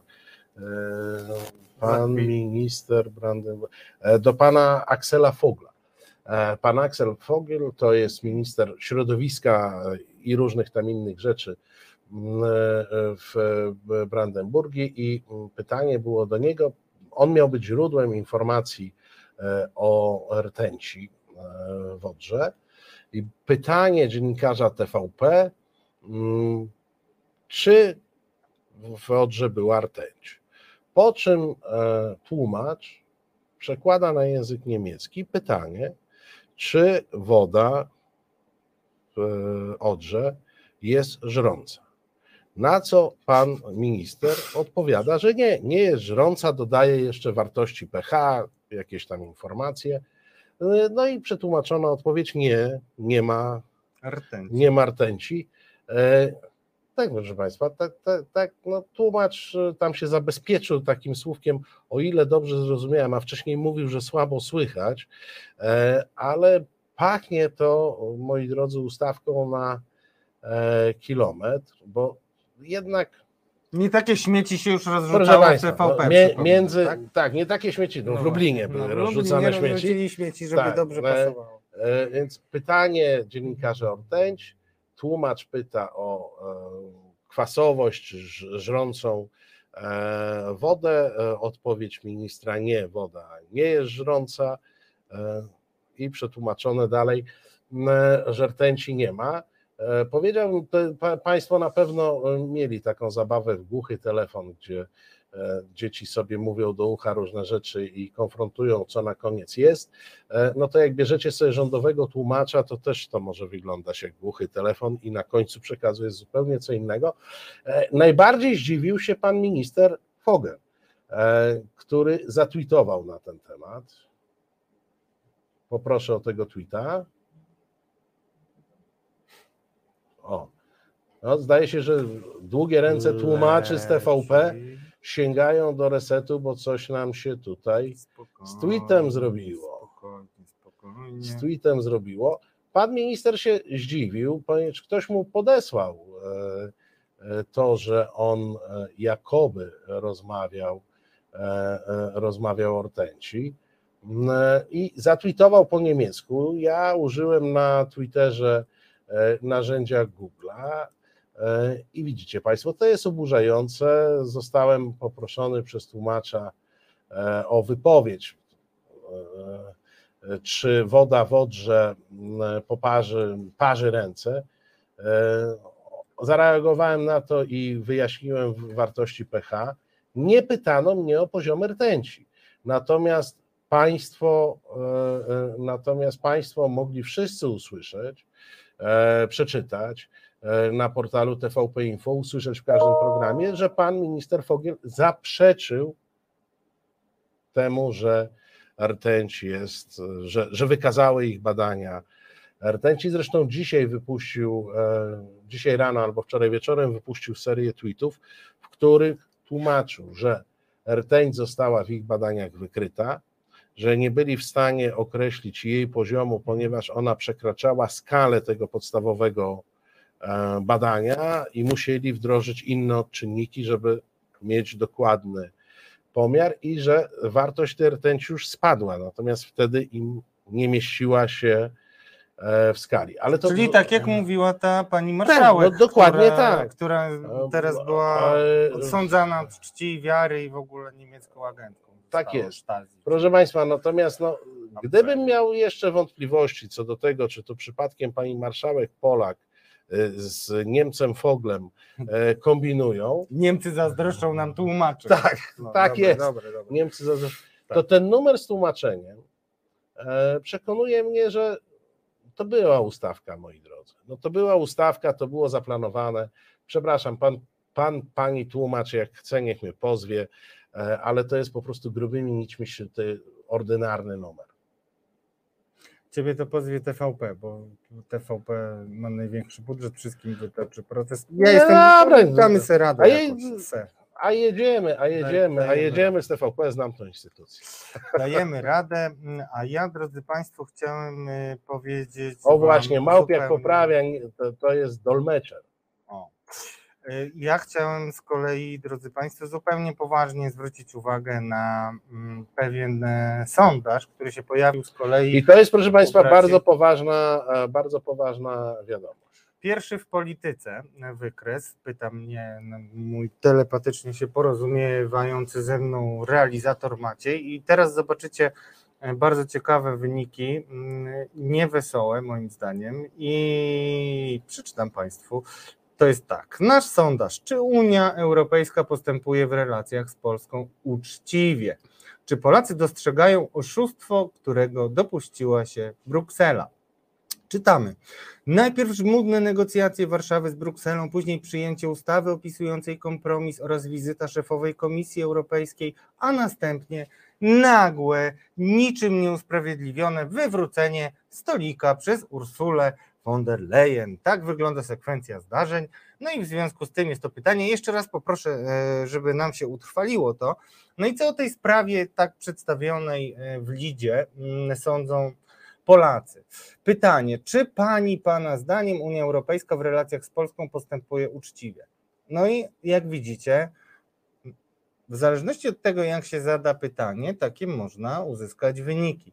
I mm, możemy sobie oczywiście mówić, e, tam bracia kremlowscy w polityce, co to jest za sondaż, na pewno to ustawili i tak dalej. Mogę Państwu powiedzieć, że widziałem kilka sondaży, które były zlecane przez prawicowe media i te, które e, nie pasowały do różnych tez, były po prostu eliminowane. Ja wcale bym się nie zdziwił, gdyby e, te sondaże rzeczywiście tak wyglądały. Dlaczego o tym mówimy? Dlatego, że rozmawialiśmy o tym z Marcinem przed wejściem do programu, że to naprawdę nie jest tak, że wszystko jest dane raz na zawsze i dzisiaj mamy 90%, a jutro będziemy mieć 91%, a pojutrze 89%. Nie. ludzie są zalewani takim stekiem kłamstw i takim też e, miejscami, no na pewno nie wysublimowanym, ale mm, stargetowanym na to, na co mogą zareagować przekazem, że zmieniają swoje podejście. Przede wszystkim nabierają wielu wątpliwości. E, I, e, I tyle. I tyle. Dzisiaj pocieszające jest to, że w niektórych sondażach 90% jest euroentuzjastów, ale kiedy zadaje się bardziej mm, skrupulatne pytania, bardziej szczegółowe pytania, sugerujące też pytania czasami, to wtedy uzyskuje się inne mm, wyniki. Dlaczego o tym mówię? Dlatego, że automatycznie sondaże mają też taką opiniotwórczą mm, rolę. Dzisiaj my je pokazujemy oczywiście po to, żeby y, pokazać Państwu, w jaki sposób sączy się ta trucizna y, antyzachodnia, bym powiedział, na łamach braci kremlowskich. Mm, e, Tłumacz się tłumaczył, że był na sali pogłos. E, To ja Państwu powiem, my cały czas w resecie walczymy z pogłosem. Pogłos nasz e, wróg, od jakiegoś czasu chyba z nim e, wygrywamy.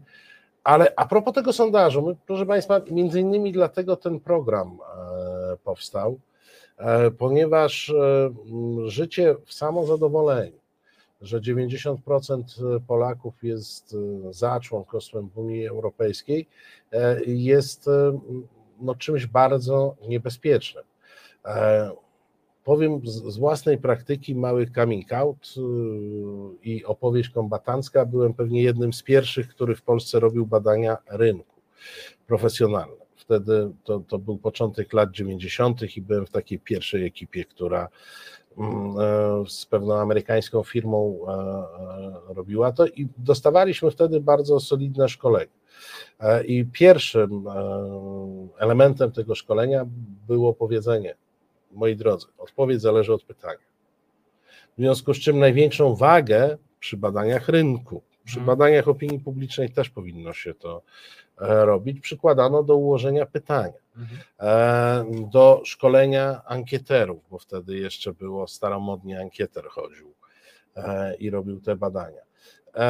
I jeżeli postawimy sobie pytanie, czy jesteś za członkostwem w Unii Europejskiej, to zapewne 90% e, Polaków powie tak. Ale jeżeli sformułujemy pytanie inaczej, to może się okazać, że będzie 40 do 40. A teraz pytanie do Państwa nietendencyjne, bardzo otwarte, za 100 punktów. A gdyby jutro miało być referendum, e, to kto ułoży pytania? I kto je zaproponuje? I myślicie, że to będą pytania, e, które e, będą skłaniały do odpowiedzi obiektywnej, prounijnej czy antyunijnej? No to pozostawiam Państwa rozwadze. Ja znam odpowiedź. E, Więc nie cieszmy się tymi 90% poparcia dla Unii. Martwmy się tym, o czym e, takim sondażem, jaki Radek e, pokazuje. Wiemy, w potylice, bracia kremlowscy, e, pytanie tendencyjne, dobór próbek pewnie też taki trochę e, poprawny, ale, ale to proszę Państwa nie jest tak, że on jest zupełnie nieprawdziwy. No i co gorsza, muszę jeszcze Państwu powiedzieć, że mm, 13 sierpnia na łamach Rzeczpospolitej pojawił się też tekst sondaż. Ty, ty, ty, tytuł jest taki: Sondaż, dwukropek, co trzeci Polak byłby dziś przeciw wejściu do Unii Europejskiej lub nie wie, jak wygłosował. Trochę się, powiem szczerze, poirytowałem tym tytułem, bo jest on niestety manipulacyjny, ale e, sami mm, mam nadzieję zobaczycie czemu.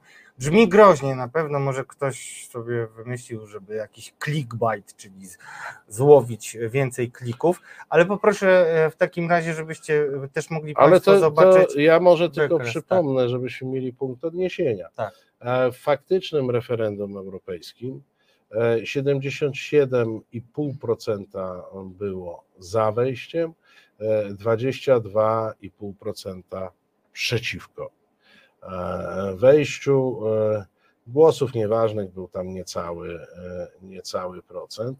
No to zgadnijcie Państwo, jak to by wyglądało. Pytanie, jakie zadała Rzeczpospolita e, ankietowanym. Ankietowanym, czyli to nie są ci ludzie, którzy już idą realnie do urny. Tak, tak, Oni tak. mogą sobie pozwolić na większą szczerość albo mniejszą szczerość. To też musielibyśmy e, gwiazdkować w zależności od e, sytuacji. No i ciekaw jestem, czy uważacie, pewnie większość ludzi pomyślałaby, że co najmniej taki sam poziom, jeśli nie wyższy. A tutaj okazuje się, że jest pewna niespodzianka, chociaż nie jest tak, jak sugeruje tytuł, że co trzeci Polak byłby przeciw wejściu, bo tutaj kluczowe jest, że lub nie wie, jakby głosował, tak? I wtedy po dodaniu, tak, to wygląda, więc to jest słabe, moi drodzy koledzy i koleżanki z Rzeczpospolitej, ale pokażmy te wyniki, bo myślę, że też Was trochę zaskoczą. Wyglądają one tak. Na zielono mamy y, tę y, grupę, do której my y, należymy, czyli za członkostwem Polski w Unii Europejskiej. E, Czyli 60%. Dokładnie. Przeciwko jest e, 14,9, czyli 15 realnie. Nie wie mm, 17,5% i nie wziąłby udziału 7,7. Nic nie jest dane raz na zawsze. Każde wasze udostępnienie, komentarz i rozmowa na ten temat, która nie będzie takim, e, mamy 90%, może pomóc, żebyśmy zostali tu, gdzie jest nasze miejsce, żebyśmy zostali na zachodzie, tam, gdzie chcieliśmy od zawsze się Proszę znaleźć. Państwa, e, mm, e, e, piszecie Państwo co trzeci, to chyba tylko jedna trzecia, dwie trzecie w takim e, wypadku jest proeuropejska, ale pamiętajcie Państwo, że my jesteśmy w okresie, jak to się mówi, rozmasowywania opinii publicznej. Tak? Tak. Tak to w mailach Dworczyka się Tak, nazywało. tak, tak, E, tak. Oni rozmasowują opinię e, publiczną a, i jeżeli w którąś stronę będzie się to zmieniać, to niestety w stronę tą, której byśmy nie chcieli. E, I tu jest coś, co Państwo czasami mówicie. No, gdzieś naprzeciwko takiego malutkiego resetu i naszego programu jest cała maszyna telewizji polskiej, polskiego radia, do rzeczy sieci Gazety Polskiej, e, całej grupy Polska The Times, e, która Czyli Orlen Press. tak. czyli, czyli mediów orlenowskich. Pamiętajcie Państwo, pamiętajcie Państwo o tym. E, To jest też tak jak z tą Odrą. Gdyby nie było niezależnych mediów, nie wiedzielibyście, że w Odrze jest problem. E, Jak nie będzie niezależnych mediów, e, to także możecie się nie dowiedzieć, że Unia Europejska nie jest taka zła. Dokładnie. Czas nas goni, więc musimy już przejść do. No ale czekaj, no, no Tak. tu mamy najważniejszego polityka paneuropejskiego. No, no musimy, musimy. Musimy. Obiecali stołek Tuskowi za wepchnięcie nazwy euro. To jest tekst, który y, jest y, mm, wywiadem prezesa Banku Centralnego, Narodowego Banku Polskiego. Jest tam tyle różnych y, kwiatuszków, że y, y, dywan z kwiatów można zrobić, ale esencja jest ważna i powiem szczerze, mnie to bulwersuje jednak cały czas, bo ja też nie, niespecjalnie wielu rzeczy dobrych się spodziewam po Adamie Glapińskim, poza jakąś kolejną zamianą z jakimś e, zorientowanym na wschód biznesmenem. E, Przypominam, że pan Szóstkowski się wymienił tak szczęśliwie z prezesem Narodowego Banku Polskiego. Mieli tak jeden do jednego, identyczne mieszkanie i się bezgotówkowo zamienili. To Nie, cuda, nie, nie mów o mieszkaniach. Nie mów o mieszkaniach, Tak, bo to zdaje się, że 700 metrów to już No trochę tak, to jest więcej posiadłość za willa za latyfundia. Dwa, dwa hektary i 7, dwa hektary gruntu i chodzi. 700 metrów. Te tak, ja to widziałem, proszę Państwa, na te oczy widziałem i tymi nogami chodziłem e, wokół, ale na pocieszenie powiem, brzydkie to jest. Zadanie Tuska. Obalenie rządu i wprowadzenie euro. Ujawnia to Adam Glapiński. Skąd to wie? Podobno z Bazylei, bo tam był mm, odbywające się co dwa miesiące regularne, odbywające się co dwa miesiące regularne spotkania banków centralnych służące omawianiu mm, sytuacji finansowej na świecie. I tam akurat Adam Glapiński e, usłyszał i Urbi et Orbi światu obwieścił o niecnym planie na Donalda Tuska. Donald Tusk został oddelegowany mm, po to, przez kogo, no wiadomo przez kogo. Dobra, Przez Für Niemców, Deutschland. Oczywiście, Für Deutschland został po to oddelegowany do Polski na powrót, żeby obalić rząd i wprowadzić euro. W nagrodę, drodzy Państwo, dostanie nie byle co, bo posadę szefa Komisji Europejskiej. A, ale proszę Państwa, żeby była jasność, nie takiego byle jakiego szefa Komisji Europejskiej jak teraz, tylko tej szefa Komisji Europejskiej tej już sfederowanej. Tak, bo to, y, to się nazywało w tekście, mm, jak to jest? Ż- Zjedno, z Rzesz, Rzeszą Europejską. Tak, Zjednoczoną Rzeszą Europejską. No tak, tak, tak to jest. Straszne to jest, że człowiek, który odpowiada za kondycję złotówki i słabo sobie z tym zadaniem y, radzi. mm, Ale to, to, to powiedz, bo, bo, bo, tutaj trzeba no, jakby Państwu powiedzieć i y, do Pana Prezesa Glapińskiego powiedzieć, y, Panie Prezesie Glapiński, Pan niepotrzebnie się martwi. Dzięki Pana wytężonym wysiłkom Polska nie spełnia kryteriów, e, które pozwalałyby nam aplikować e, do strefy euro. M, Coraz więcej wskaźników mamy wykluczających nas z grona tych, którzy. Niech pan, pan już to naprawdę załatwił. Pan nam ugotował to euro e, na lata, zanim nie wyjdziemy z inflacji, e, którą pan, za którą wedle moich szacunków za połowę tej inflacji pan jest odpowiedzialny. Bo za jedną czwartą tej inflacji jest oczywiście odpowiedzialny Mateusz Morawiecki, a za kolejną jedną czwartą tej inflacji jest e, e, odpowiedzialny Władimir Putin. Ale pan, panie Glapiński, jest lepszy od Morawieckiego i Putina, bo najwięcej inflacji pan na- narobił. Więc ta pańska inflacja wystarczy do tego, żebyśmy do strefy euro nie weszli w najbliższym czasie. Więc e, tu trzeba Glapińskiemu przyznać, jak był taki plan chytry niemiecki, że Tusk tu Bach wprowadzi nas do strefy euro, Glapa to wszystko załatwił, nie będzie strefy euro. to sarkazm jest, żebyście byli e, tak, e, że, bo to czasami nie widać, bo naprawdę ja bym kupił to, jakbym cię nie znał. Albo nie, bo ja mam taką patriotyczną Tak, twarz. Masz, masz patriotyczną twarz. E, drodzy Państwo,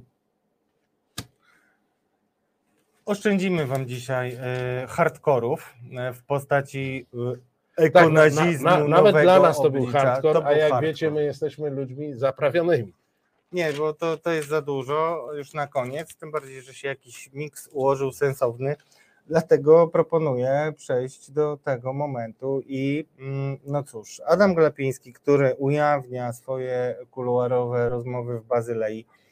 Ja nie wiem, kto jest w stanie uwierzyć w to, że ktoś by mówił Adamowi Glapińskiemu e, o takim planie, nawet gdyby istniał, a jednak e, idę o zakład, że nie istnieje, bo jest tak po prostu napisany centralnie pod propagandę i to jest tak naprawdę kolejny rozdział, bo to widać, że ktoś to rozpisał Znaczy ten, na ten, poszczególne ten, wywiad, odcinki, e, ten tak. wi- wywiad generalnie niewiele ma wspólnego z rozmową z szefem Banku. Narodowego, żeby powiedzieć. Tak.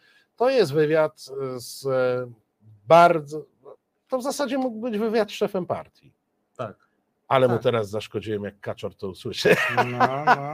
To był, to był. Nie, proszę Możliwe. Państwa, wywiad jest czysto polityczny, bo tu Bożena pytała, czyżby wypowiadał się na tematy polityczne. Nie wypowiada się w tej rozmowie na żadne inne. tak, zaklina rzeczywistość jeszcze oczywiście. Tak, opowiada kocopały, e, opowiada, że, że jest fajnie e, i, i tak dalej, i, i opowiada o zagrożeniach dla Polski, świata.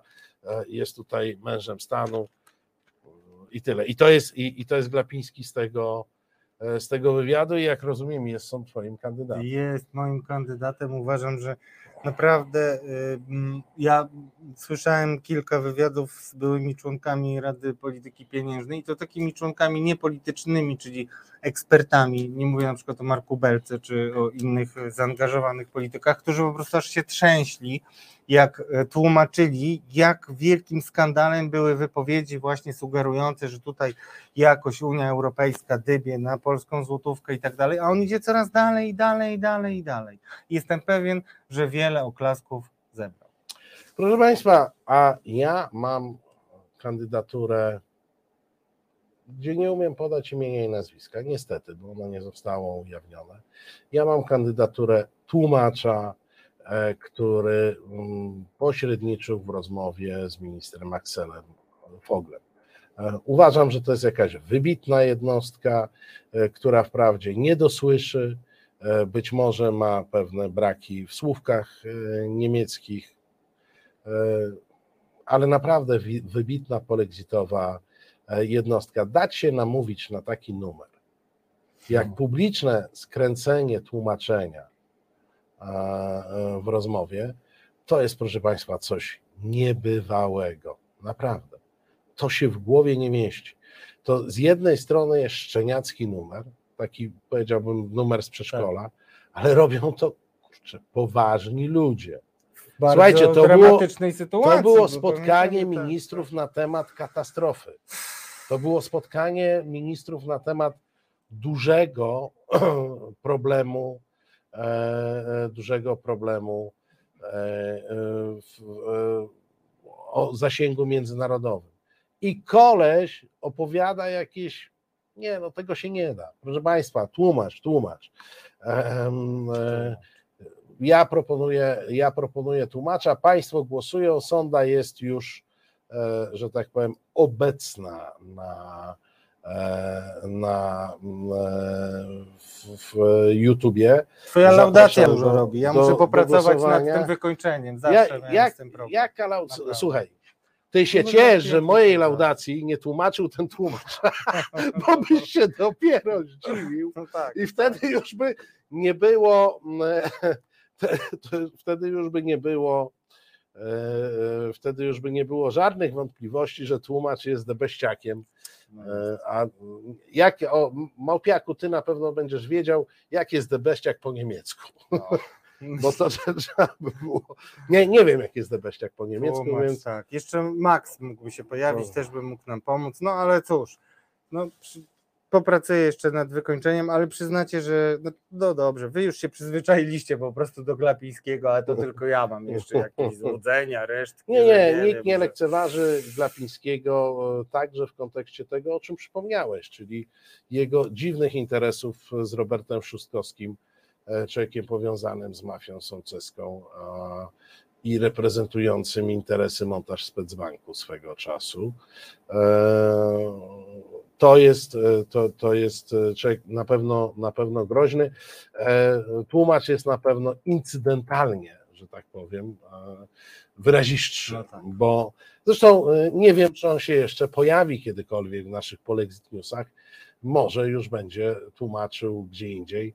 Ale nie, nie, nie życzę mu tego, może w Albanii będzie tłumaczył, No, ale ja mu tego nie życzę. nie. Ale, no, ale historii, w historii ma już miejsce dzięki. Nie, nie, zapisał się w historii, Tobie- zapisał się Ponieważ trzeba powiedzieć, że pan tłumacz zostaje dzisiaj. Zostaje dzisiaj niewielką przewagą, trzeba przyznać, ale zobacz, tłumacz miał swój moment, Glapę Tak. pokonał. Jest Glapę, Glapę, który Andy Warhol miał zablokował, rację. Słuchaj- Każdy będzie miał 5 minut sławy. słuchaj, Glapę, który załatwił Tuska, przez którego, Glapę, przez którego Tusk nas do strefy euro nie będzie mógł wprowadzić, pokonał tłumacz, proszę Państwa, e, z, który nie wiemy nawet jak się nazywa. No, anonim wygrał z Glapą. Ostateczna potwarz. Drodzy Państwo, musimy znikać się z ekranu, bowiem już się zbliża, to jest wojna. Dominika. I Dominika Kasprowicz. Bardzo Państwu dziękujemy za dzisiejszy program. Dziękujemy Maćkowi. Dziękuję. E, Dziękujemy naszej sztucznej inteligencji werblowo-dżunglowej. O, ona też nam dziękuję. Nie śpi licho. E, Dziękujemy panu Łukaszowi Biedce, który był producentem tego programu.